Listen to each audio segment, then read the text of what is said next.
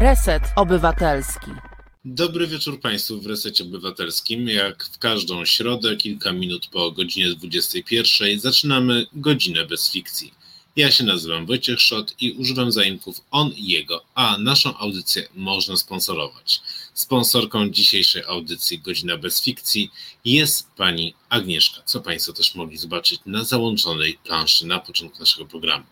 I Ty możesz zostać producentem bądź producentką naszego programu, wpłacając na Reset Obywatelski w serwisie zrzutka.pl 100 zł. Twoje nazwisko czy pseudonim znajdzie się na specjalnej grafice na początku i na końcu losowo wybranego programu emitowanego przez Reset Obywatelski. Jeśli ustawisz 100 zł jako wpłatę cykliczną, będziesz producentem bądź producentką jednego programu miesięcznie. Zapraszam do serwisu zrzutka.pl. Dzięki Waszemu wsparciu będziemy mogli przygotować dla Was jeszcze lepsze programy. A teraz już czas na 30 godzinę bez fikcji w resecie obywatelskim, godzinę upalną w Warszawie 29 stopni, o godzinie 21 e, ocieplenie klimatyczne i katastrofa klimatyczna e, stają się faktem, który odczuwamy na co dzień i za chwilę też o tym będę chciał porozmawiać, co ciekawe. E, a jeszcze przypomnę, że tydzień temu w audycji rozmawiałem z Mirosławem Wlekłym o Kazimierzu Górskim. E, wiem, że trwa mecz e, półfinałów Euro 2020, chociaż odbywają się one w roku 2021. E, nasz operator, realizator obiecał, że będzie na żywo podawał nam wyniki, więc nie stracą Państwo wyniku, jeżeli zostaną Państwo z nami. Zachęcam też do wysłuchania naszej, roz, naszej rozmowy poprzedniej z Mirosławem Wlekłym, jak i wszystkich poprzednich, które znajdziecie na Spotify. Dajcie tam suba, zapraszamy do obserwowania, także na kanale YouTube'owym Resetu Obywatelskiego. A dzisiaj, żeby już nie przedłużając, moim i Państwa gościem w godzinie bez fikcji jest fotograf Michał Szlaga. Dobry wieczór. Cześć, dobry wieczór. Michał Szlaga e, jest z nami z okazji tego nieprawdopodobnego, gigantycznego, olbrzymiego e, i fantastycznego i w ogóle super, super albumu Brama, e, którym zawarł ile? Ponad 1300 ilust zdjęć? Około 1230. I na czym polegała selekcja zdjęć? Bo rozumiem, że tych zdjęć miałeś jeszcze dużo, dużo więcej. Eee, może tak. Ten materiał, który znalazł się w książce, jest projektem artystycznym, który wystawiam od 2015 roku. Eee, początkowo on składał się z 350 około fotografii. Eee, jeżeli ktoś miał okazję oglądać bramę na którejś z wystaw retrospektywnych, to spotkał się z takim albumem E, po prostu amatorskim, klasycznym albumem fotograficznym. I tam po prostu znalazło się około 300 fotografii, z czego jakby one też są w tym nowym projekcie, natomiast gdzieś tam w, przygotowując się do wznowienia, czy, czy nie do wznowienia, do wydania bramy, ja po prostu E, postanowiłem sfotografować, e, właściwie wyskanować cały materiał raz jeszcze, dlatego że e, jakby wiedziałem, że idea tego, czym jest brama, jej konstrukcja, czyli osadzenie głównie tej historii na osi czasu, tu jest ileś takich elementów prowadzących. Pierwsza to jest właśnie oś czasu, ona się rozpoczyna w roku 2000 mniej więcej w 2007-2008 ja zaczynam się przyglądać Placowi Solidarności, e, wiedząc, że już realizuje projekt Brama, czyli to jest taki klasyczny u mnie e, skok do archiwum, e, myślenie o temacie poprzez jakieś takie pierwsze fotografowania. No i potem zaczyna się taki, takie właściwie zbieranie materiału. Ja do końca nie wiedziałem, jak on jest obszerny, pracując kilka lat temu nad nim, no, miałem świadomość, że pewne klatki gdzieś mi pouciekały, że pewnych ujęć nie widziałem. Mm. postanowiłem tutaj po prostu zobaczyć wszystko, no i siedziałem korzystając z takiego e, systemu, który właściwie nie jest skanerem, tylko jest e, to system Nikona, który pozwala po prostu fotografować negatyw, co znacznie skraca czas, bo właściwie on już jest w dużej mierze jakby opracowany kolorystycznie, jest to nie wiem, dziesięciokrotnie szybsze w moim przypadku niż skaner. No i wyszło na to, że tych fotografii z projektu jest 6000. E, no i wspólnie pracując e, z moją partnerką życiową, e, ale artystyczną również, tutaj w domu przez rok, no po prostu z, tego, z tych 6 tysięcy ucięliśmy do 1200. To jest tytaniczna praca, ale ty w ogóle, przynajmniej w takim moim odbiorze, masz niesamowicie tytaniczne podejście do swojego zadania artystycznego. W ogóle, bo Dedykujesz książkę Gdańskowi, e, wcześniej zrobiłeś e, też wielki album Stocznia. E, nie wszyscy jednak z Państwa może wiedzą, jak to wszystko się zaczęło, skąd się wzięła ta fascyna fascynacja, ten, potrzeba dokumentacji Stoczni Gdańskiej, jak to się wszystko u Ciebie rozpoczęło?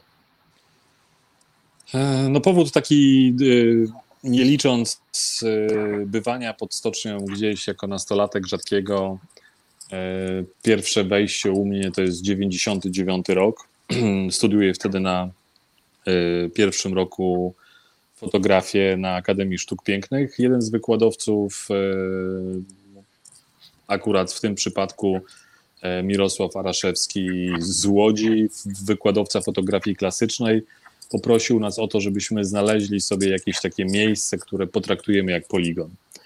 E, czyli chodziło po prostu o możliwość wejścia na teren zakładu. Ja po prostu zgłosiłem się wtedy do dyrekcji stoczni. E, uzyskałem potrzebne, przedstawiłem się, uzyskałem zgodę. E, pielęgnowałem później tą znajomość ze stocznią po to, żeby ta zgoda oczywiście mogła się przedłużać. Mniej więcej po półtorej roku człowiek, który był odpowiedzialny za kontakty ze mną, stwierdził, że już e, nie załatwiam od dziś tych kwestii ewentualnych wejść z nim, tylko pojawia się nowy ktoś. E, ten nowy ktoś był dyrektorem z firmy deweloperskiej, która kupiła całe tereny w okolicach roku 2000, będące częścią na nabrzeżu Gdańska, przynależące do Gdańskiego Śródmieścia. E, stocznia w, w tamtym czasie e, to tak mniej więcej można powiedzieć, że jest to 70 hektarów w centrum miasta, plus kilkadziesiąt hektarów na wyspie Ostrów. To były dawne trzy części zakładu, część A, B i C. Krótko mówiąc, A i B miała i staje się w tej chwili od 20 lat nową dzielnicą. Część C jest e, wyspą, dawniej Holm, teraz Ostrów i na niej dalej działa stocznia. Tutaj bardzo szybko się to potoczyło, dlatego że ja już w zasadzie byłem takim fotografem z archiwum, jak przyszedł e, nowy właściciel, a z drugiej strony ten nowy właściciel e, miał taki pomysł, żeby utworzyć kolonię artystów na terenach postoczniowych. To był rok 2002. Ja jeszcze wtedy studiowałem i osiedliłem się w kolonii artystów, będąc w jej pierwszym składzie E, to trwało do 2007 roku, gdzie po prostu żyliśmy na terenie zakładu. E, to tak było właściwie e, obmyślone na 5 lat, więc tutaj rzeczywiście te 5 lat spowodowało, że kolonia została zlikwidowana. Ja jeszcze szukałem jakiegoś miejsca do mieszkania na terenie stoczni. Dwa lata mieszkałem w, w modelarni należącej do Instytutu Sztuki Wyspa w tamtym czasie, dzisiaj nieistniejący budynek. Natomiast y, przeniosłem się z pracownią y, na wiele lat do budynku starej dyrekcji stoczni. Nowy deweloper, który w tamtym czasie y, likwidował kolonię, postanowił jednak pozwolić nam pozostać na terenie i spędziliśmy kilka lat.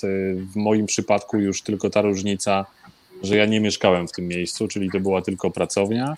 I jakby też wiedząc, że to się będzie kończyć, transformować, że ten e, jakby pomysł w takiej e, no, był zbyt naiwny, żeby wierzyć w to, że to będzie trwało wiecznie, więc e, kupiłem mieszkanie w kredycie w 2009 roku i to jest mieszkanie przy Placu Solidarności idealnie właściwie okładka, którą przed chwilą pokazywałeś, to jest widok z balkonu, widok za oknem, który gdzieś tam się e, pisze, to jest e, właśnie widok na ECS po prostu. w tej chwili. Natomiast wcześniej to, był, to było mieszkanie z widokiem na bramę e, towarową Stoczni Gdańskiej, oczywiście na Plac Solidarności, no i na bramę historyczną, która początkowo była jeszcze dla mnie właściwie taką czynną bramą stoczni, więc od 2009 roku z jakąś przerwą, taką dwuletnią siedzę po prostu tu. E, no i, no i tak, może, e, może tyle. Nie miałeś ochoty nigdy uciec? Na pewno nie od tematu, bo to jest tak, że rzeczywiście wspomniałeś, że to jest druga książka o stoczni. E, pierwsza mam ją tutaj dla przypomnienia, jeżeli ktoś ją znał, zna, nie ma już jej od wielu lat na rynku. To jest taka właściwie dziwna rzecz, dlatego że ja E, tworzyłem przez lata potężne archiwum, które, z którym byłem utożsamiany i właściwie przez długi czas to nie były wcale fotografie architektur, czy budynków, czy wyburzeń, tylko to był przemysł, technologia, e, fascynacja jakby człowiekiem, ale również w ujęciu technologicznym.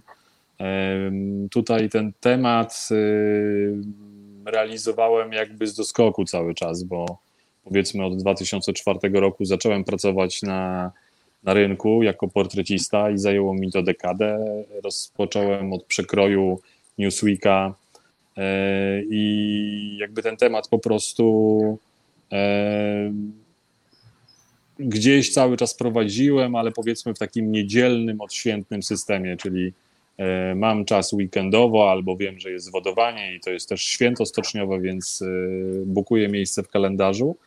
Natomiast później gdzieś tam w okresie od 2007 nastąpił taki moment, że nastąpiła potężna seria wyburzeń. Ja to oceniłem w książce na 50% y, y, zniknięcia architektury w tamtym czasie. E, książka, która została wtedy wydana, ona właściwie była po, takim, po takiej serii Paskudne Pocztówki, e, wydanej jako pierwsza i tam po raz pierwszy ja zobaczyłem, że jakby był problem ze zdefiniowaniem, czym jest stocznia, dlaczego warto ją chronić, o co chodzi artystom i jakby w tym całym takim potężnym e, e, jakby tyglu powodów e, ja po prostu poczułem, że należy zacząć działać w pewnym sensie samodzielnie. W paskudnych pocztówkach po raz pierwszy zastosowałem E, coś w rodzaju e, opisów zabytkoznawczych, których oczywiście nie wykonywałem sam, ale żeby wszystko się zgadzało, e, zacząłem współpracować z moim już wtedy dobrym znajomym, dziś przyjacielem, doktorem Waldemarem Afeltem, zabytkoznawcą, ale też moim mistrzem po prostu w zabytkoznawstwie. No i właściwie skupiłem się wtedy na rok. To jest jakby typowe, że każda książka to jest zniknięcie na rok. No i wtedy pozostawiłem, jakby fotografie już były, wiedziałem co na nich jest i po co one zostały wykonane. E, no i w tamtej książce pojawiają się opisy zabytkoznawcze. No i co byłoby w tym niezwykłego? E, może nic, ale generalnie chodziło o to, że to było pierwsze badanie zabytkoznawcze, a w świetle prawa, istniejących dokumentów, badań, wiedzy dostępnej publicznie, temat był bardzo, pomimo tego, że był właśnie tym potężnym, wielkim tematem stoczni, Solidarności, no, ten temat e, architektury leżał, a to była wyjątkowa substancja do zbadania, XIX-wieczna, więc jakby chcąc, mając nadzieję, o czym wtedy głośno nie mogłem mówić, e, zrobić coś, co będzie naprawdę e, sensowne, czyli ma szansę po prostu na, na to, żeby przyczynić się do zmiany, miałem nadzieję na jakąś zmianę w tamtym czasie, no i zrobiłem coś, czego się nikt nie spodziewał, bo zniknęli z tej książki robotnicy, historie, które zbierałem, pojawiła się architektura w sposób fotografowana taki, jaki zazwyczaj jej nie fotografowałem, czyli takie proste dokumentacje. E, no i, e, no i w tamtej książce nie ma solidarności. E, I tam ta książka powstawała w taki sposób, że wracałem po prostu gdzieś tam z Polski, z trasy, zazwyczaj z Warszawy. E, wchodziłem w drugi czy trzeci etap, po prostu biorąc ciężki, ciężką kamerę i gdzieś tam z psem wtedy owczarkiem niemieckim Hermanem e, pracowałem nad tematem w taki bardzo poważny sposób, czyli tam wielki format i tak dalej, negatyw, no ale równocześnie e, pracowałem nad czymś, e, co być może ktoś z nas projektu Polska, czyli to jest taki typowy dla, dla fotografów system fotografowania w podróży jakimś amatorskim aparatem. Konstruując stocznię w 2013 roku, ja celowo nie umieściłem w niej historii Solidarności. Tam na 312 fotografii pojawia się Solidarność tylko na dwóch fotografiach, a drugi wielki temat, jakim były gdańskie żurawie, czyli to, z czym kojarzymy stocznie, Solidarność i żurawie, znalazły się zaledwie chyba na 16 fotografiach jako przedstawienie typów e, różnych konstrukcji. Dlaczego? Dlatego, że próbowałem wtedy odwrócić myślenie o, o tym miejscu, e, że nie tylko żurawie, to jest jakby bardzo proste, sympatyczne, świetnie mhm. działające. Mhm. Natomiast interesowała mnie po prostu substancja, tkanka, e, architektury gdzieś pomiędzy żurawiami. Jakby istota była tam niedaleko w widoku, ujęciu gdzieś z kilkuset kil metrów czy, czy kilku kilometrów, tylko świetnie znana panorama dźwigów, tylko właśnie skupienie się na tym, co jest pod nimi, czyli ta wielka po prostu ta próba jakby zbadania i opowiedzenia, zbadania miejsca i opowiedzenia o nim.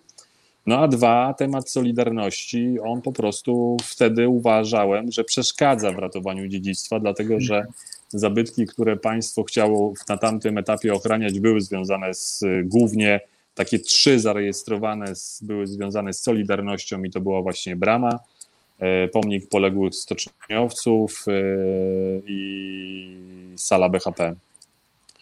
E, ja po prostu wtedy Solidarności w książce nie umieszczam, natomiast równolegle w zasadzie przez ten cały czas, fotografując różnymi systemami i filmując też, zbierałem cały czas materiał o Solidarności, wiedząc, że jest to temat bardzo ważny i drugi, za który się zabiorę, e, więc no nie jest to proste. Udało się po dekadzie właściwie porządnie ten materiał opracować. No i ta rzecz jest właściwie takim poematem o, o Solidarności i tylko, tylko i wyłącznie jakby o niej i poświęconej e, tej idei. To czym jest dla Ciebie Solidarność? E, tej książ- Wiesz co, no ja w tej książce skupiam się przede wszystkim na, na jakby badaniu wszystkich jej odcieniów. No, Solidarność jest na pewno, y, ma swoje miejsce w historii, E, absolutnie mamy z czego być dumnym. Wiemy, że e, ona bezpośrednio doprowadza do, do wielu zmian. E, lubimy o tym sami mówić, lubimy sobie o tym przypominać, no ale też z drugiej strony od lat pogłębiamy się w jakimś, w jakimś problemie politycznym, który bardzo mocno wpływa na, na sposób myślenia, na na podziały, które rosną w społeczeństwie. No i jakby nie da się ukryć, że czy, czy, czy ta jasność od początku mi towarzyszy, że tak naprawdę e, dzisiejszy problem e, jest wygenerowany przez dawnych przyjaciół. Ja po prostu skupiam się jakby na, na, na, na, na obserwacji tego. No i tu po prostu mamy takie e, dwa sposoby myślenia o Solidarności. No jeden nazwijmy go taki związany, no niech już będzie, powiem to z platformą. No on jest jednak taki, mm, no jakby żyjemy w pewnym sensie w, w zadowoleniu, mamy jasną jakby wizję, jak wyglądają dzieje E, mamy ekspozycję w Europejskim Centrum Solidarności. Ta historia jest opisana, wiemy, jacy są bohaterowie. E, no i wszystko byłoby ok, tylko mamy też drugą stronę, e, i ta strona jest po prostu związana, najprościej mówiąc, z pisem. No i jakby z drugiej strony jest jakby powtórzenie tej narracji, tylko okazuje się, że jakby ogólnie rzecz biorąc, jest to rzecz o tym samym, ale w detalu ona się różni. E, więc ja po prostu, będąc tu na miejscu, znając ludzi, mając jak najbardziej szacunek, decydując się przecież też na wybór takiego miejsca do mieszkania niełatwego, no bo jednak jest to widok y, ciągle, no widzę monument, to właściwie w tej chwili widzę dwa monumenty, bo Widzę też Europejskie Centrum Solidarności, które ma w założeniu przypominać kadłub w budowie. No więc jakby, no tak, to jest dla mnie jasne, że ten podział jest, że jesteśmy nim zdominowani. No i w pewnym sensie miałem możliwość opowiedzenia o kuchni tego podziału, ale to nie jest główny temat. Jakby oceniam, że, że Brama powiedzmy w 50-60% opowiada o zwyczajnym życiu, może nawet w większej ilości. No i po prostu polityka wchodzi, ona wchodzi raz na 2-3 dni, e, więc zasadniczo to też jest taka książka o solidarności, ale zrobiona przypadkiem. No właśnie to jest e, perspektywa mieszkańca. E, tworzą mi się takie trzy punkty w 2009 roku bardzo często zaczynam przechodzić przez y, Plac Solidarności.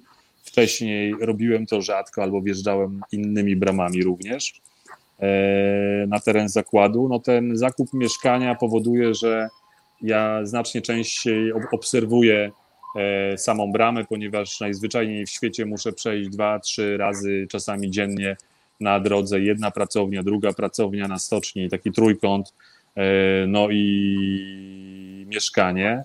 E, początkowo był taki okres, że widziałem jeszcze z mieszkania wszystkie trzy jakby e, miałem łączność wzrokową z oknami swoich pracowni. No tu oczywiście ten moment, kiedy ECS urósł, on, tak, to jest widok dokładnie, to jest widok z balkonu na początku tego projektu. No jakby teraz zostałem odcięty od, od tych widoków, ale pierwotnie te punkty istniały, więc to wszystko jest zrobione na, na, takim, na takich kilku osiach e, podążania e, w różnych sprawach przez stocznię, do pracowni, do drugiej pracowni, do różnych miejsc, e, chociażby związanych z jedzeniem. Żywiłem się też po prostu, stołowałem się przez kilka lat na terenie stoczni, więc również wtedy, no i cały czas powstają fotografie. Ja nie planuję brać udziału w takich dużych sytuacjach typu centralne czy główne obchody, no ale w pewnym momencie zmieniam zdanie i zaczynam, zaczynam filmować i tu jest jeszcze trzeci element, którego nie, e, którego w tej chwili jeszcze nie, nie upubliczniłem. On jest oczywiście znany z wystawy, no ale planuję w jakimś, w jakimś w jakiś sposób również go e, pokazywać. No i to jest film Brama, który jest dokładnie realizowany w tym samym czasie ale tak jak Brama pokazuje głównie życie codzienne i może czasami przypadek, czyli trafiam na polityków, bo akurat razem tam wszyscy jesteśmy, przez trzy lata filmuję uroczystości. E, no i wtedy po prostu wchodzę jako operator kamery e, i zaczynam, e, próbuję sfilmować to, co w moim sensie nie jest do opowiedzenia fotograficznie, a wiem, że potem będzie się to po prostu świetnie uzupełniać. To ja zacytuję teraz e, list, który dołączyłeś do e, bramy, który nie jest integralną częścią, w sensie można go sobie po prostu mhm. wyciągnąć, tak o Państwu to wygląda, że po prostu jest bardzo ładnie wydrukowany list. E, co prawda e, wielkość e, fontu jest taka, że osoby z gorszym wzrokiem mogą Cię chcieć trochę e, mieć do Ciebie pretensji, dlatego ja będę tak trochę tu ślepił. E, no więc właśnie Michał Szlaga pisze o filmie e, Brama, około godzinnym wideo, w którym skupił się na obserwacji celebracji kolejnych rocznic sierpnia i grudnia. I teraz cytuję. Wtedy, właśnie wtedy, gdy filmując, starałem się podejść jak najbliżej interesujących mnie scen. Sporadycznie byłem nazywany między innymi szczurem ryzyka, szpiegiem TVN-u, pojebem z trwamu, a nawet stojącym w jednym szeregu z tuszującymi śledztwo smoleńskie z kundlonymi prokuratorami. To akurat ładne, e, przynajmniej brzmieniowo.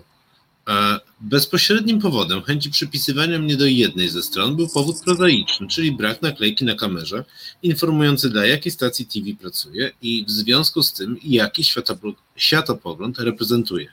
Wystarczył brak ulubionego logo. te incydenty uświadomiły mi, że jestem tam, gdzie powinienem być, na własnej drodze ku dowolności.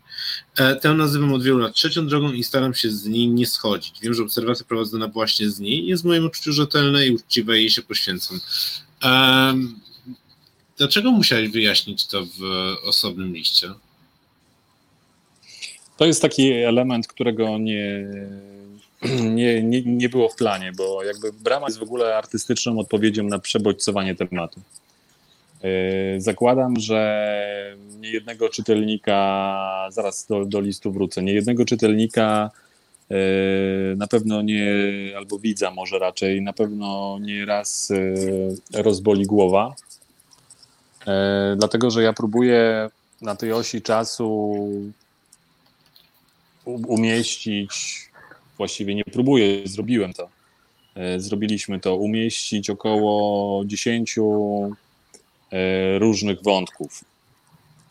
E, cały problem jakby polityczny, dzisiejszy problem polityczny wokół Solidarności, on jakby od lat mnie nie interesuje, dlatego że no z jednej strony jakby doskonale znam polityków z obu miejsc związanych, z obu partii związanych z miejscem, e, chociażby z tego powodu, że przez e, zbliżenie zawodowe, ale też przez taką działalność e, wokół próby wtedy jakby zadziałania na rzecz ochrony zabytków stoczni, no jakby po prostu się zbliżyliśmy do siebie, mieliśmy okazję się spotykać nie, niejednokrotnie. E, I ten moment, kiedy ja zacząłem e, pracować nad, e, nad, nad bramą i wiedziałem, że ona się będzie składać z fotografii, czyli mamy te 1200 fotografii, mamy godzinne wideo, które jest dla mnie tym drugim bardzo ważnym członem. I ja zupełnie inaczej niż w innych książkach wcześniejszych postanowiłem nie pisać wstępu, ponieważ temat jest zbyt po prostu dla mnie z jednej strony prosty, wszyscy go doskonale jakby rozumiemy, ale też powiem szczerze, że e, jakby w ostatnich latach e, mnóstwo ludzi mówi dużo. E, niewiele z tego mam wrażenie zostaje, czy może to nie działa. Ja postanowiłem, że ten trzeci element to będzie słowo, ale że nie będę go pisał sam i zaprosiłem po prostu dwóch autorów innych do napisania tekstów. Jest to Roman Nieczyporowski, który jest e, historykiem sztuki z Gdańskiej ASP, doskonale znał temat i, e, i zdecydował się opisać to z takiej strony historycznej, także po prostu ten tekst miał mieć taką funkcję. Zaprosiłem też drugiego autora, Kinterasa, który miał napisać właściwie na takiej E, na takiej podstawie nic od niego nie chciałem. Miał napisać, co czuję, oglądając ten materiał. Ja natomiast postanowiłem, że oprócz fotografii i wideo będzie trzeci element i że to będzie po prostu e, moje słowo, ale napisałem właściwie dwa wiersze albo dwa utwory wierszowane i jakby na tym skończyłem, co miało być też takim e, po prostu sygnałem, że to też dla mnie nie jest wcale taki łatwy E, temat. Oczywiście jakby jest w mojej głowie poukładany, jest poukładany w książce, e, no ale nie jest prosty, żeby próbować nagle zacząć nauczać, czy po prostu mówić ludziom, jak mają żyć, czy jak mają to interpretować. Natomiast gdzieś tam później na, w trakcie rozmów z partnerami, którzy, którzy wsparli tę książkę, pojawiały się wątpliwości, że ludzie nie będą w stanie Pojawiła się obawa, czy na pewno wszyscy będą wiedzieli, co, e, co mam na myśli. Zostałem poproszony o, o napisanie takiego listu i powiedziałem, że tak, jasne, nie ma sprawy, e, napiszę o trzeciej drodze. I to jest właściwie taka deklaracja. Powiedziałeś na początku, że forma manifestu. Na pewno tak, e, dlatego że po prostu wszystko w życiu się łączy. To nie jest tak, że jestem w stanie oderwać jakąkolwiek część swojej działalności czy pracy od innej. Nie jestem w stanie nie reagować na to, co się dzieje na bieżąco e, na ulicy, co mówią politycy, jak jest stanowione prawo, a jednocześnie jakby cały czas no, mam ten temat, miałem ten temat przez rok e, gdzieś na warsztacie. No i jakby reagowałem cały czas, więc nawet kwestia e, napisania wiersza no też, e, też on powstał w jakimś konkretnym czasie i też podjąłem takie, a nie inne decyzje. E, dzisiaj się cieszę, że ten list jest, bo tak naprawdę rozmowa teraz nasza jest pierwszą rozmową o, o, o książce i no czuję, że rzeczywiście postawienie tej sprawy tak prosto no nie, powoduje, że nikt nie będzie miał złudzeń, jak, jak, gdzie, gdzie ja w tym wszystkim jestem i, i czego szukam w tym temacie i w takiej realizacji. Z drugiej strony ja też dalej nie do końca wiem właśnie, czego ty szukasz w tej realizacji i, i gdzie ta trzecia strona właściwie jest możliwa i jakie są jej implikacje, bo zastanawiam mm. się, a wiesz co, no jaka jest propozycja krytyczna tej trzeciej strony? Mówi, że brakowało ujęcia krytycznego, że były dwa, dwa równoległe mity Solidarności i tak dalej, i że one zaproponowały właściwie no, taki rozbiór, rozbiór trochę tego społeczeństwa mhm. i jego, jego podział i nic więcej. To co możemy dać więcej? Co możemy dać, nie myśląc politycznie o tej stronie? Ja jestem tym tematem totalnie zmęczony. To też nie jest tak, że. Yy że on jest jakiś taki bardzo głęboki. Uważam, że ten podział wziął się z prostych y, problemów i to jest czynnik ludzki, który do dzisiaj, y, y, który do dzisiaj zaważa. Temat Solidarności być może nie jest interesujący szerzej w Polsce, ponieważ przez to, jak właśnie jej dziedzictwo, czy politycy, którzy się z niej wywodzą, jak poukładali sobie tą historię, doskonale wiemy, więc E, kurczę, to jest takie. Może ja to spłycę teraz, ale to po prostu jest tak, że, e, że to jest ciągle takie po prostu kogo kochasz bardziej, mamusię czy tatusia. Więc ja po prostu jako dziecko chcę powiedzieć, że ani mamusia, ani tatusia, że jest tutaj po prostu kupę rzeczy do opowiedzenia, chociażby no, w Gdańsku wiemy, jak to wygląda. Naj, naj, najprościej rzecz ujmując ja jako ktoś, kto jest ciągle na miejscu, no też wiem doskonale, mam dostęp do informacji. Przez moment pracowałem znacznie bliżej polityki, dlatego że zbliżyłem się do niej pracując przez dekadę jako, e, jako, jako fotoreporter i, i tak naprawdę e, i tak naprawdę no na przykład uznałem, że super cenne będzie pokazanie, jak wygląda kuchnia wizyt y, polityków. E, ja i Gdańszczanie znamy E, temat od środka, może nie wszyscy. E, z drugiej strony widz w Polsce, jeżeli go to interesuje, a jak wiemy, temat jest interesujący, ponieważ pomógł wygrać e, Prawu i Sprawiedliwości wybory. No jednak stocznia jako miejsce, Solidarność jako symbol zostały użyte, no ale w pewnym sensie no, pokazuje, jak jak to wygląda, ale pokazuje też kuchnię, ale potem pokazuje też, jak wygląda przestrzeń pomiędzy wieloma miesiącami do kolejnego hucznego świętowania kolejnej rocznicy bądź mówienia o, o problemie. Uważam, że i to nie tylko ja, no to jest jakby, uważam, że dochodzi tu do nadużyć. E, no i między innymi pokazuje to w tym sensie. E, no i jakby tyle, jeśli chodzi o spłycenie tego do takiego poziomu politycznego. No ale znowu żyjemy w takim kraju, w którym nie da się aktualnie oderwać e, życia e, prywatnego od, jeżeli ktoś jest zaangażowany i jeżeli się z czymś nie zgadza albo się zgadza i chciałby coś wspomóc, no jakby te wszystkie rzeczy niestety są przeniknięte polityką. No i po prostu ja na czym ja jakby rozkładam temat E, polityczności tego miejsca na, na, na czynniki pierwsze. No i o tym bym już nie chciał opowiadać, co z tego wychodzi, jaką kto ma minę i co tam po nich zostaje. Jakby tu e, po to jest, e, po to jest właśnie ta książka, ale generalnie tak, jestem zmęczony potrzebą jakby takiego ciągłego właśnie bycia przez wszystkie lata albo tym, który lubi tą stronę, albo tym, który lubi drugą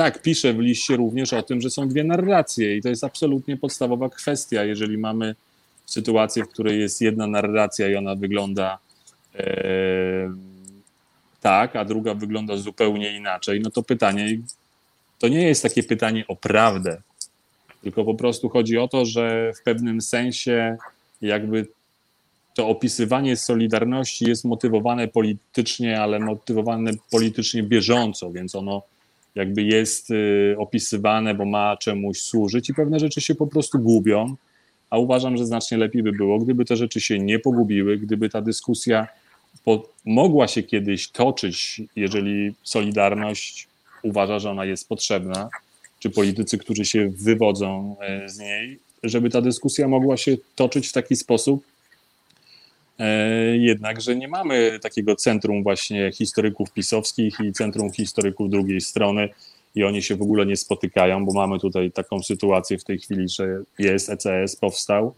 E, no ale z drugiej strony sala BHP w ostatnich latach e, stała się takim ECS-em e PiSu właściwie. Po środku jest, są drogi do wolności, czyli coś, co od początku mi towarzyszy w tym projekcie. To jest takie hasło sprzed 20 lat. Nowa dzielnica na terenach postoczniowych z centralnym miejscem, jakim jest pomnik poległych stoczniowców przy Placu Solidarności i, bra, i i droga prowadząca od bramy do wody. I to, są, to ma być główna aleja e, nowej, e, nowej dzielnicy, zwana drogą do wolności lub drogami do wolności, ale początkowo też była to nazwa wystawy zrobionej przez Grześka Klamana w 2000 roku na 20. E, rocznicę podpisania porozumień sierpniowych i ona się po prostu nazywała Drogi do Wolności wtedy.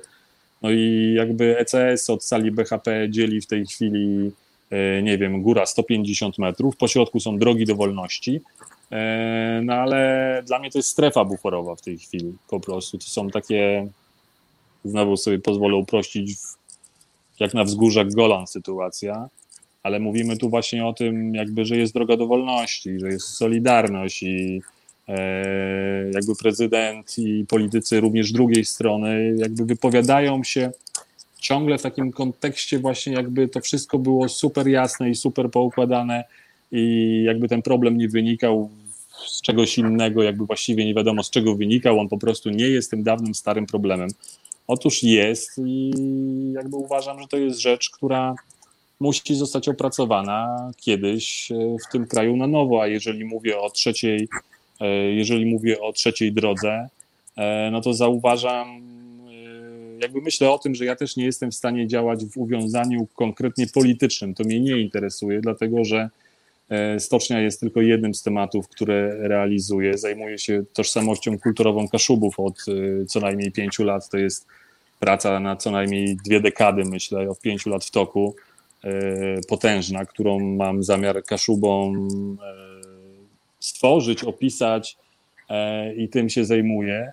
I naprawdę nie chce mi się rozkminiać po prostu, czy ten, kto mówi, że tam, gdzie stało ZOMO, ono stało i czy my jesteśmy tam, a gdzie indziej, a w ogóle jest, jest mnóstwo wspaniałych, tak, jest mnóstwo wspaniałych rzeczy do zrobienia, tylko ja też po prostu nie mogę się na nich tak do końca skupiać, dlatego że po prostu e, to ciągle wpływa, polityka ciągle wpływa na, na życie bieżące, no nawet jakby patrząc najprościej, piszę też w tym liście, E, o, o, o świecie sztuki, nawet o tym, że nie jestem w stanie się nigdzie e, dobrze poczuć, ani w dominującej doktrynie lewicowej, ani, ani, ani w, w nowej, jakby uprawianej czy widocznej od kilku lat prawicowej.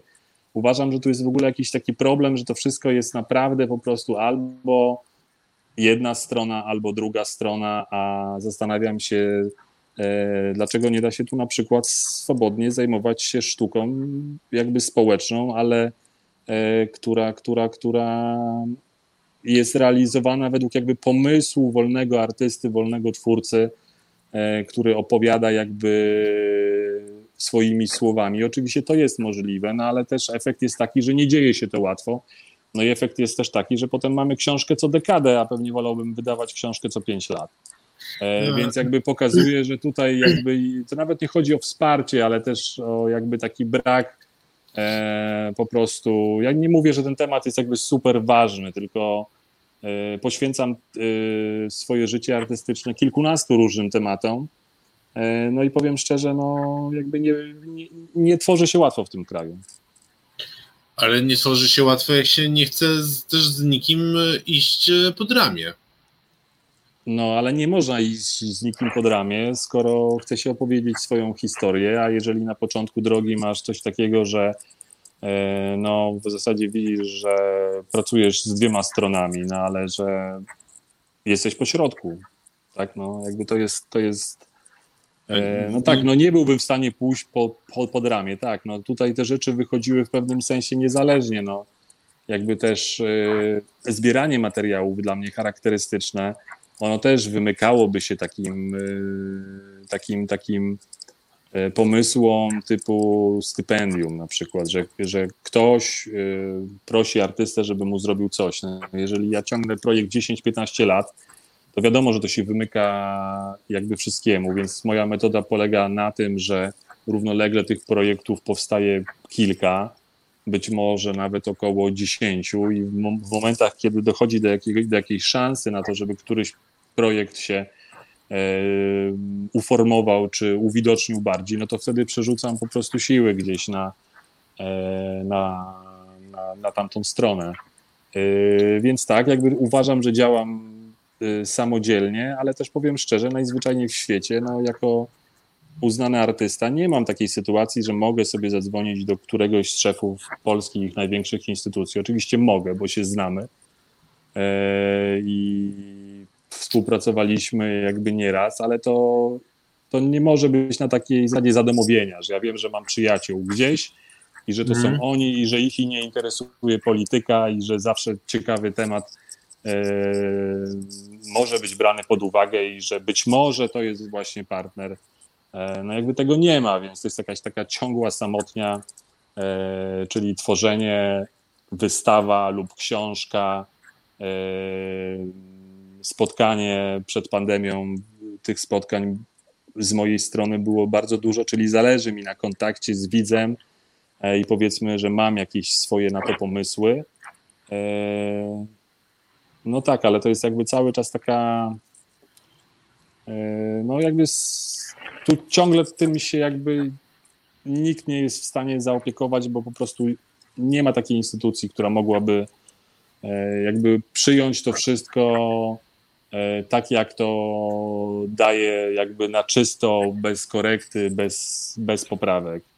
I może nawet to, że tu nawet pojawia się taka potrzeba, żeby na którą ja odpowiadam, chociażby z tym listem, no to też jednak pokazuje, że no jest problem, jakby z, od, od razu się zakłada, że, e, że to jest jakby coś trudnego i że nie wiadomo jakby o co chodzi. Ja też miałem taką recenzję po, po retrospektywie w, e, w awangardzie wrocławskiej i też pamiętam recenzenta, który zadał pytanie właściwie o co mu chodzi i kto mu dał ten aparat. Ja pomyślałem sobie, kurczę, no tak zauważył to recenzent, ale pomyślałem też, no po prostu, no być może jest to niezrozumiałe, a być może za mało czasu, a być może właściwie nie wiadomo o co mi chodzi, więc zamierzam y, pokazywać w najbliższym czasie i cały czas to robię, to co tworzyłem, no ale też zaczynam się z tego tłumaczyć, skoro jak się okazuje te tłumaczenia są niezbędne, czemu nie?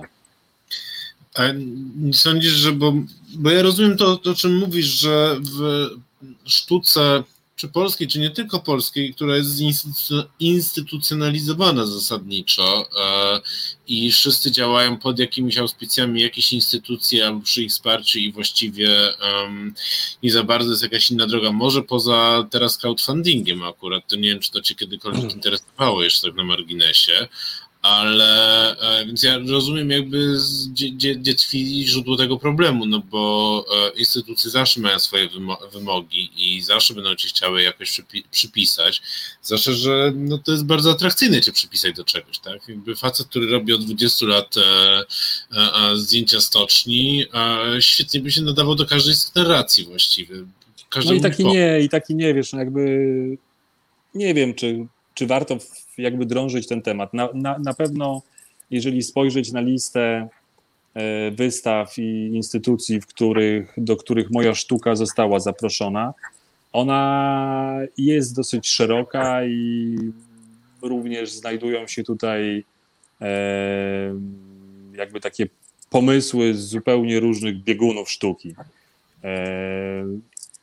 No to jakby okej, okay, tylko cały czas mówię, ale też się nie uskarżam. Po prostu musiałem zbudować metodę pracy własną, dlatego że jakby nie jestem w stanie po prostu z instytucją współpracować bardziej niż się wystawić z tym, co jest, co przygotowałem, więc e, e, no tak, moim marzeniem byłoby mieć wsparcie po prostu takie, które byłoby normalnym wsparciem, tak jak sobie to wyobrażam, że być może nie wiem, u naszych zachodnich sąsiadów na przykład jest to możliwe. No mamy tutaj do, taką sytuację, że ja mam jakieś po prostu kilkudziesięciotysięczne archiwum, e, w których mamy i miejsce, i bohaterów, i nie tylko Gdańsk, e, i teraz jakby Kaszuby, i to się ciągle rozrasta, rozrasta. E, no ale ja też w pewnym momencie muszę usiąść do opracowań. Również spadają na mnie takie rzeczy jak teksty, myślenie o tym, E, już tak z drugiej strony teraz rozmawiamy, mnóstwo wątków e, pakuję do tej rozmowy, no ale dorzucę może jeszcze jeden. Dawaj. E, niektórzy z Państwa tą książkę będą oglądać i są tam takie strony, gdzie jest 12 fotografii. I no to oznacza tylko tyle, że ja być może siedziałem nad tymi dwoma stronami 15 godzin a tych stron jest kilkaset, więc y, po prostu no tutaj największym pożeraczem i, i, i wrogiem i jakby y, no jest po prostu czas związany z opracowaniem i chociażby z retuszem. No przy samej bramie mamy 1500 godzin wyjętych y, po prostu z życia człowieka. No i też byłoby być może wygodniej, gdybym nie robił tego wszystkiego sam, ale tak jak mówię, no jakby nie uskarżam się, ale jakby nie jest, nie jest mi łatwo i ta metoda właśnie polega e, na takiej samodzielnej pracy, a wolałbym, żeby polegała na tym, że współpracuję z instytucją, która widzi sens w pracy takiego człowieka jak ja i że jest kilku takich artystów jak ja, którzy są po prostu gdzieś zaopiekowani w pewien sposób i mogą w wolny sposób tworzyć. No ale tu oczywiście nie ma takiej możliwości. E, dlatego że ten system, w jakim żyjemy, on właściwie jest jakby chronicznie niedomagający. E, może to kogoś zainteresuje, czy artysta ma szansę utrzymywać się ze stypendiów. No na przykład stypendium ministerialne raz na 3 lata, 30 tysięcy złotych, e, właściwie raz na 2 lata, ale potem jest jeszcze okres rozliczeniowy. Ja na działalność swojej pracowni, możemy o tym mówić? Ze mną można wszystkim. Tak, no to ja na działalność swojej pracowni potrzebuję, żeby działać jak na jakimś takim minimum, że to się kula do przodu. Ja potrzebuję, żeby to obsłużyć mniej więcej 10 tysięcy złotych miesięcznie. I to jest jakby taki mój koszt y, jakby pracy dalej. Y, jakby to się w ogóle wymyka wszystkiemu, tak? No więc jakby mam jakieś swoje pomysły i zaczynam gdzieś iść po prostu w stronę ich realizacji. No i jakby tyle, może, może zejdźmy z tego tematu. A Michał, mogę ci, zadać, e, e, wiesz, jakby sam, sam, na niego wchodzisz i sam go rozwijasz, a mogę ci zadać tak. takie trudne pytanie, ale jak mówisz o tym, że wiesz, że są tak, że właśnie projekty, pisa, pisanie jakichś projektów e, o stypendia i tak dalej, tam zawsze trzeba wpisać takie coś jak, nie wiem, rezultaty miękkie, twarde i tak dalej, wiadomo, ci z Państwa, którzy wypełniali jakieś wnioski o jakieś dofinansowania, to wiedzą. I co nam da twoje archiwum? Mówisz, że, to, jest, to jest przede wszystkim, ja już sobie na te pytania odpowiedziałem, e, co na przykład daje konkretnie opracowana brama lub co daje konkretnie opracowana stocznia. I to jest po prostu materiał do tego, aby ktoś, kto ma na to ochotę, mógł wyciągnąć wnioski na podstawie materiału, który zebrałem ja, w momencie, kiedy on nie miał na to szansy, więc ja to traktuję po prostu jak pomoc naukową dla po prostu kogoś, kto czuje, że jest mu potrzebna i ma ochotę po prostu dokładnie się tej historii w powiększeniu przyjrzeć. E, z punktu widzenia e, z punktu widzenia wcześniejszej książki, no to jest jakby w ogóle bezcenna sytuacja, ponieważ było to pierwsze badanie zabytkoznawcze i Wtedy po prostu nie mogłem o tym mówić, ale miałem taką nadzieję, że jak przygotuję coś takiego, co będzie profesjonalne i czego nie było wcześniej, i do tego połączone z pięknym obrazem, czyli jakby stworzę po prostu wysokiej klasy dzieło artystyczne, e, ale połączę je z, badaniem naukowym, zabytkoznawczym. E, w tamtym wy, wypadku, to być może będzie to niewygodne dla państwa albo motywujące do tego, żeby po prostu siłami własnych konserwatorów, własnych urzędów zrobić badania i jeżeli po ich wykonaniu nadal te wartości będą widoczne, no to wtedy ewentualnie wprowadzić jakąś formę ochrony. I to się, i to się wydarzyło, czyli jakby na tamtym, na tamtym przykładzie no jest taki, oczywiście można dyskutować, czy to dobrze, że budynki stoczniowe są dzisiaj zabytkami. Tutaj są też różne, różne jakby zdania na ten temat, ale generalnie no ja cieszę się bardzo, że ta wartość została e, dzięki temu wartość została dostrzeżona te, te, tego miejsca, więc oczywiście to jest tak, że sztuka ja mam duże oczekiwania od sztuki, to znaczy akurat tak się złożyło, że posługuję się fotografią, ale też posługuję się filmem. Czasami coś może i nawet podrzeźbię albo napiszę tekst, więc e, generalnie mam dosyć dużo możliwości, ale powiem szczerze, że tak czuję, że żyjemy w na tyle ważnych, niebezpiecznych e, i niestabilnych czasach, że absolutnie ktoś, kto ma ochotę i chęć jakby działać w tym obrębie i po prostu zajmować się, no nie wiem, czy mam ochotę wpisać się do nurtu sztuki krytycznej, dlatego że on ponoć nie istnieje, ponoć istnieje. Jakby uważam, że sztuka ma siłę oddziaływania, może to robić i jeżeli ktoś ma taką możliwość, to powinien po prostu to, e, to wykorzystywać. No, ciężko się z Tobą, wiesz, nie zgodzić. Um, takie pytanie na, na koniec naszej rozmowy, bo przyglądając się Twoim zdjęciom, mm, dzisiaj dużo mówimy o e, drzewach, potrzeb, potrzeby zieleni i tak, da, i, i tak dalej tutaj jakiś koncert prawie pod mieszkaniem w tej chwili, ponieważ jestem przy właśnie otwartych oknach, przy tej e, niesamowitej temperaturze. Czy zmiany klimatyczne, które są w ostatnich latach, e, to jest jakoś dostrzegalne na terenie stoczni? Czy to jest jakiś problem na sam, samym terenie stoczni? Czy, czy to jest jakoś zauważalne? Tak się zastanawiałem, czy dałoby się, tak, czy, czy wiesz, czy to, że nie wiem, mamy co chwilę albo jakieś susze, albo jakieś burze, albo coś mhm. i to mhm. rzeczywiście jest bardziej dramatyczne, czy, czy to jakoś widać, nie wiem, w przyrodzie e, stoczni, w tym, co ty dostrzegasz na co dzień, bo ty dostrzegasz takie rzeczy, których no, no człowiek, który tam przychodzi raz na pięć lat, to tego nie zauważy. Zmiany one właściwie są bardziej związane z działalnością człowieka, czyli dochodzi do przekształceń i zniknięcia dużej ilości drzew. I jeżeli miałbym to. Yy, no to jest tak, że co parę lat nas zalewa. Mamy tutaj swoją słynną copkę, czyli Wisła wchodzi z powrotem yy, do, do, do miasta. Yy, tu się na pewno wiele rzeczy zmieni związanych z potężną zabudową na tym terenie, czyli na pewno kwestia wód gruntowych, e, ale to są rzeczy niewidoczne w tej chwili dla nas. E, stocznia świetnie się rekultywuje. No, mam tutaj taki może kapitalny przykład. E, gdzieś jest kilka takich zasadzeń typowo jakby w duchu takiego współczesnego projektowania, czyli roślina w donicy, no i tam super są też na terenie rośliny podlewane i tak dalej i powiedzmy one sobie nie radzą, natomiast e, no w tej chwili jest kilka placów budów, a jak wiadomo jak jest budowa to jest wykop, a jak jest wykop to potem jest wielka, wielka hałda.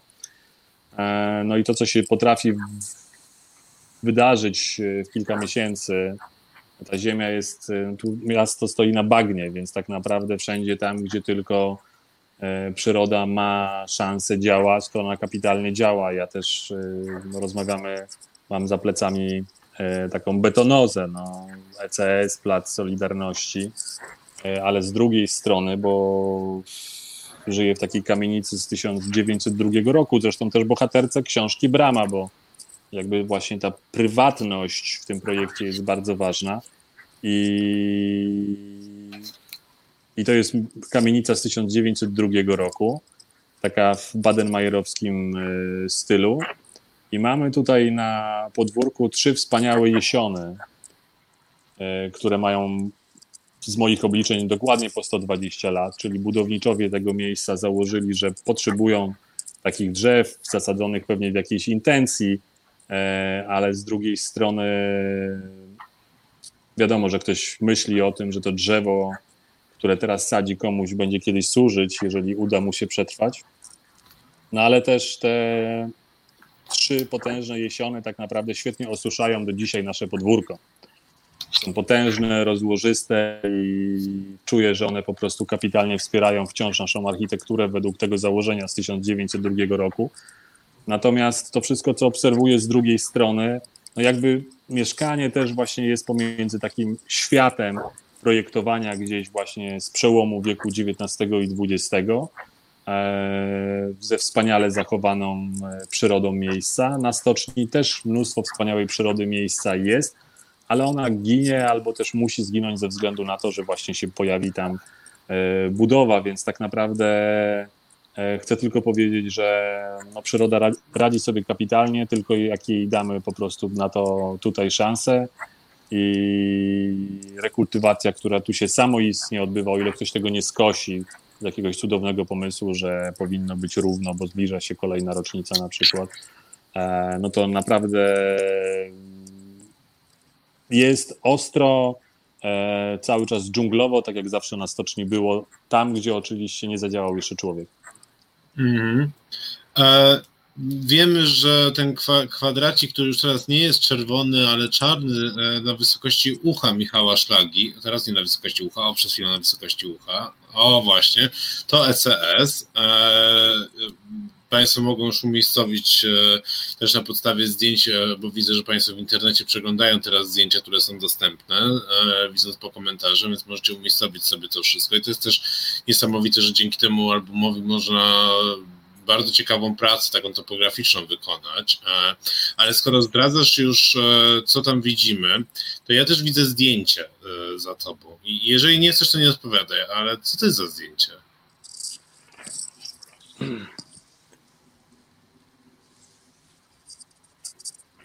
E, to jest zdjęcie rodzinne mojego. Przepraszam, to wszystko jest lewa na prawo. Hmm. To jest moja kaszubska rodzina. Nie żyją już dziadkowie, nie żyje pan. E, w środku to mój tata właśnie odszedł w listopadzie. E, zabrał go COVID. To jest kaszubska rodzina, która ciągle żyje na swojej ziemi. E, niedaleko 20 km od, e, od Gdańska. To jest zdjęcie z. O, coś się przesunąłem. Jest to zdjęcie z. To też jest ciekawa historia, bo ja mam do dyspozycji archiwum rodzinne. E, bardzo dobre, przepiękne i jego autorem był pocztowiec z Wolnego Miasta Gdańsk, Felix Kloskowski, który po prostu przyjeżdżał do mojej rodziny E, Kaszubskiej na rowerze z Gdańska bardzo często i fotografował ich i pozostawił wspaniałe archiwum, więc e, to jedna z tych fotografii.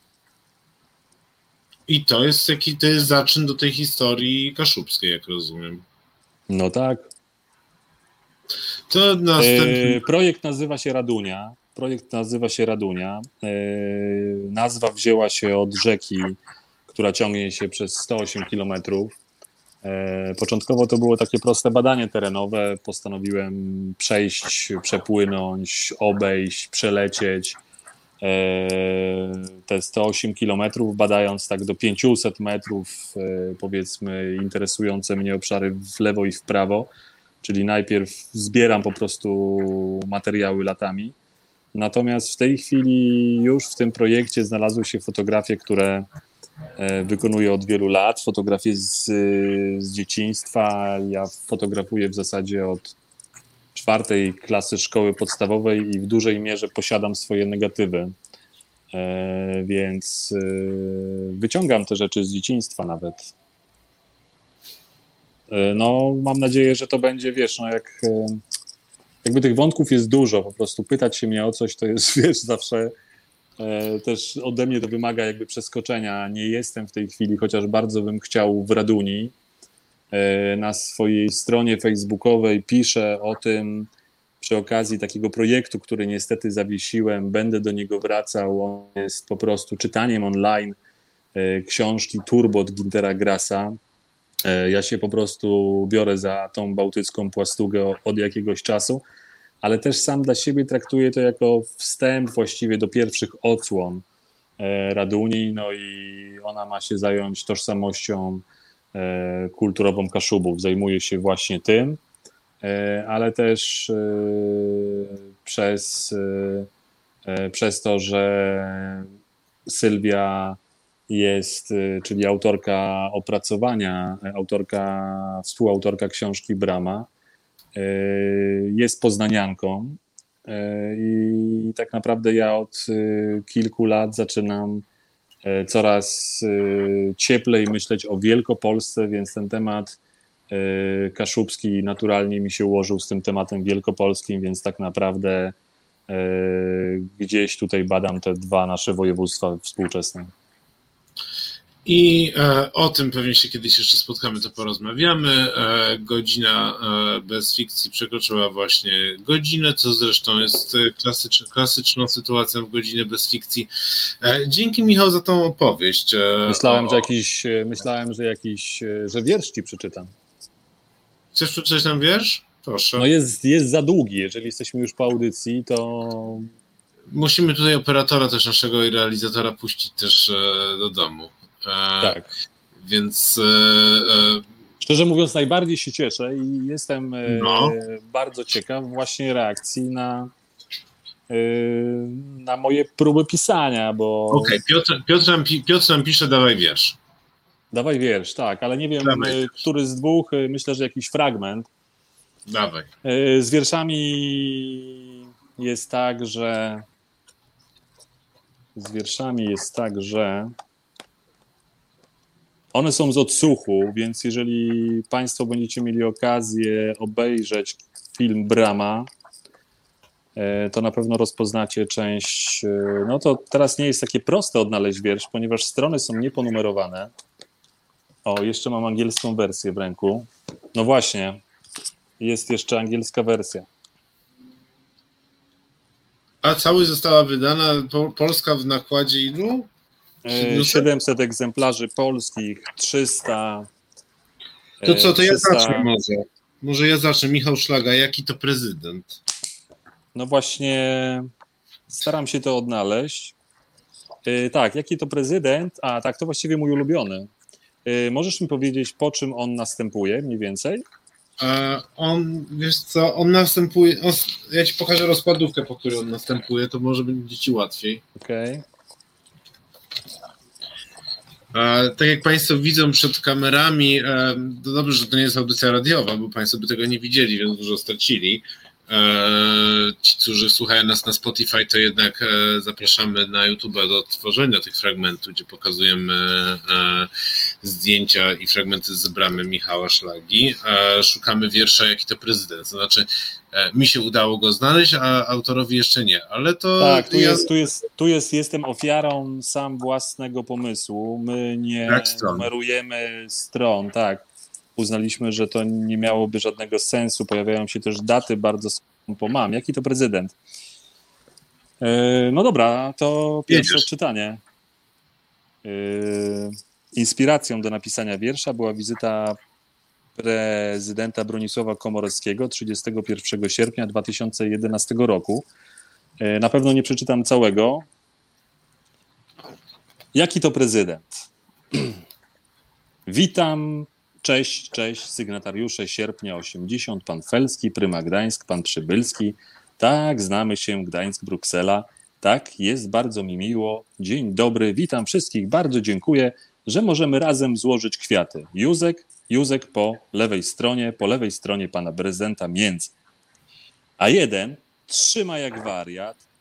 Tak, takich dziesięciu. Oni myśleli, że tu będzie narodu full, a tu tylko takich dziesięciu debilów się znalazło i zadowoleni są. Idź do kaczora, kota ci podaruję.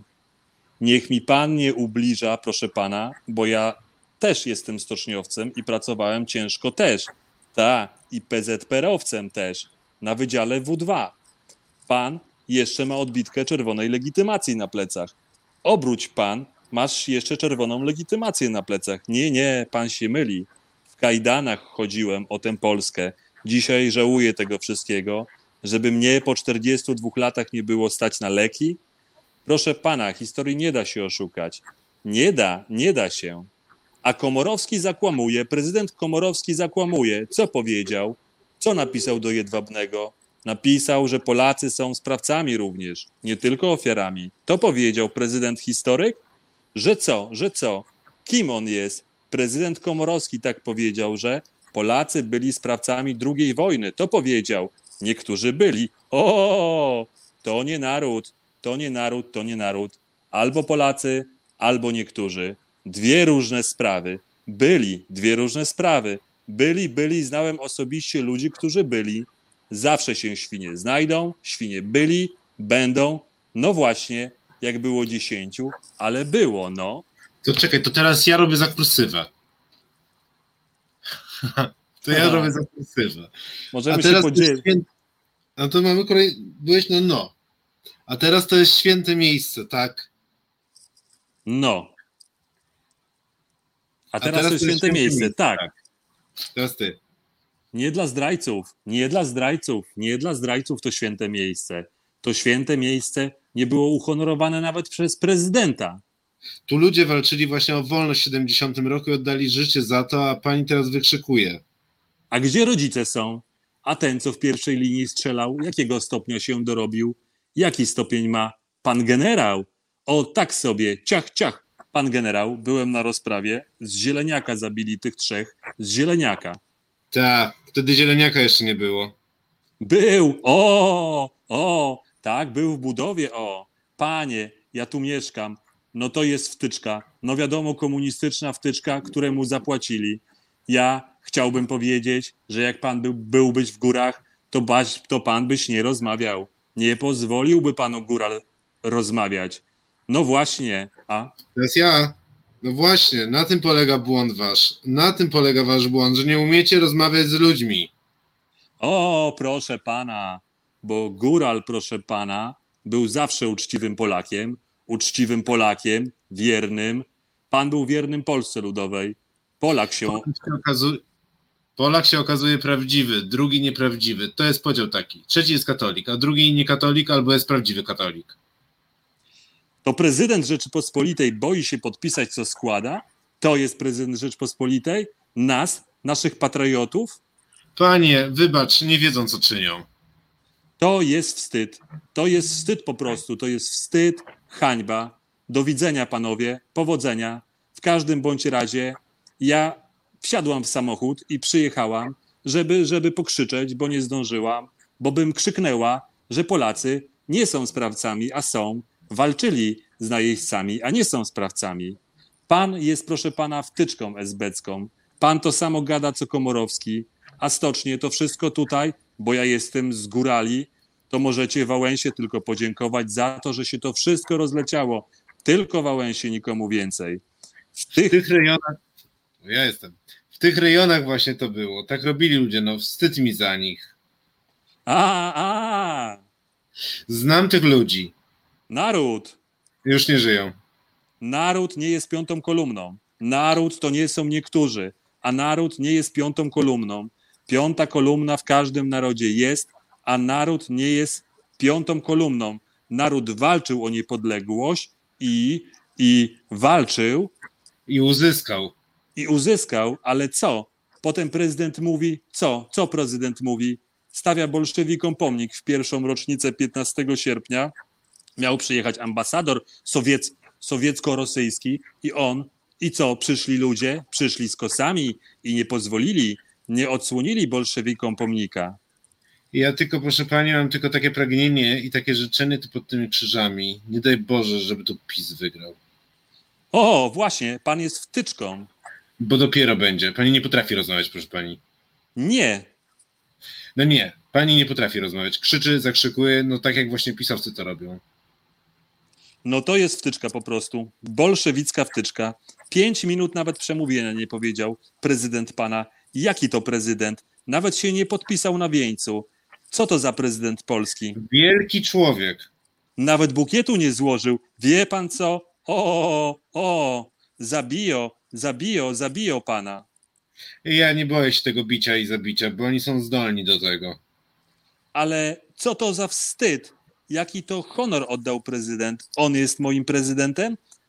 Wstyd mi za was, ludzie. W takim miejscu takie słowa wykrzykiwać to jest święte miejsce. Tutaj ginęli ludzie w 70 roku, 16 rano, 16 grudnia. Tu zginęło na winklu, zginęło trzech ludzi. No.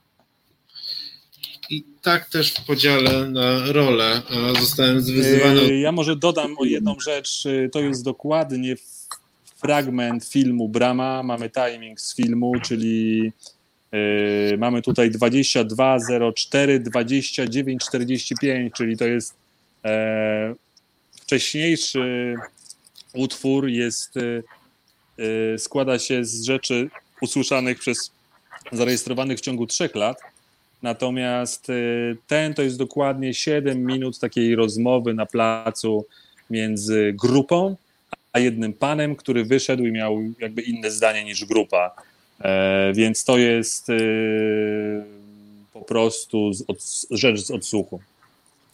E, A ja zostałem zwyzywany od bolszewików po raz pierwszy w życiu we własnym programie, więc e, bardzo serdecznie dziękuję Michałowi Szladze, który właśnie e, próbował po- pokazać Państwu też trzecią, trzecią drogę w tej rozmowie. Tą trzecią drogą był dialog, jak się okazuje.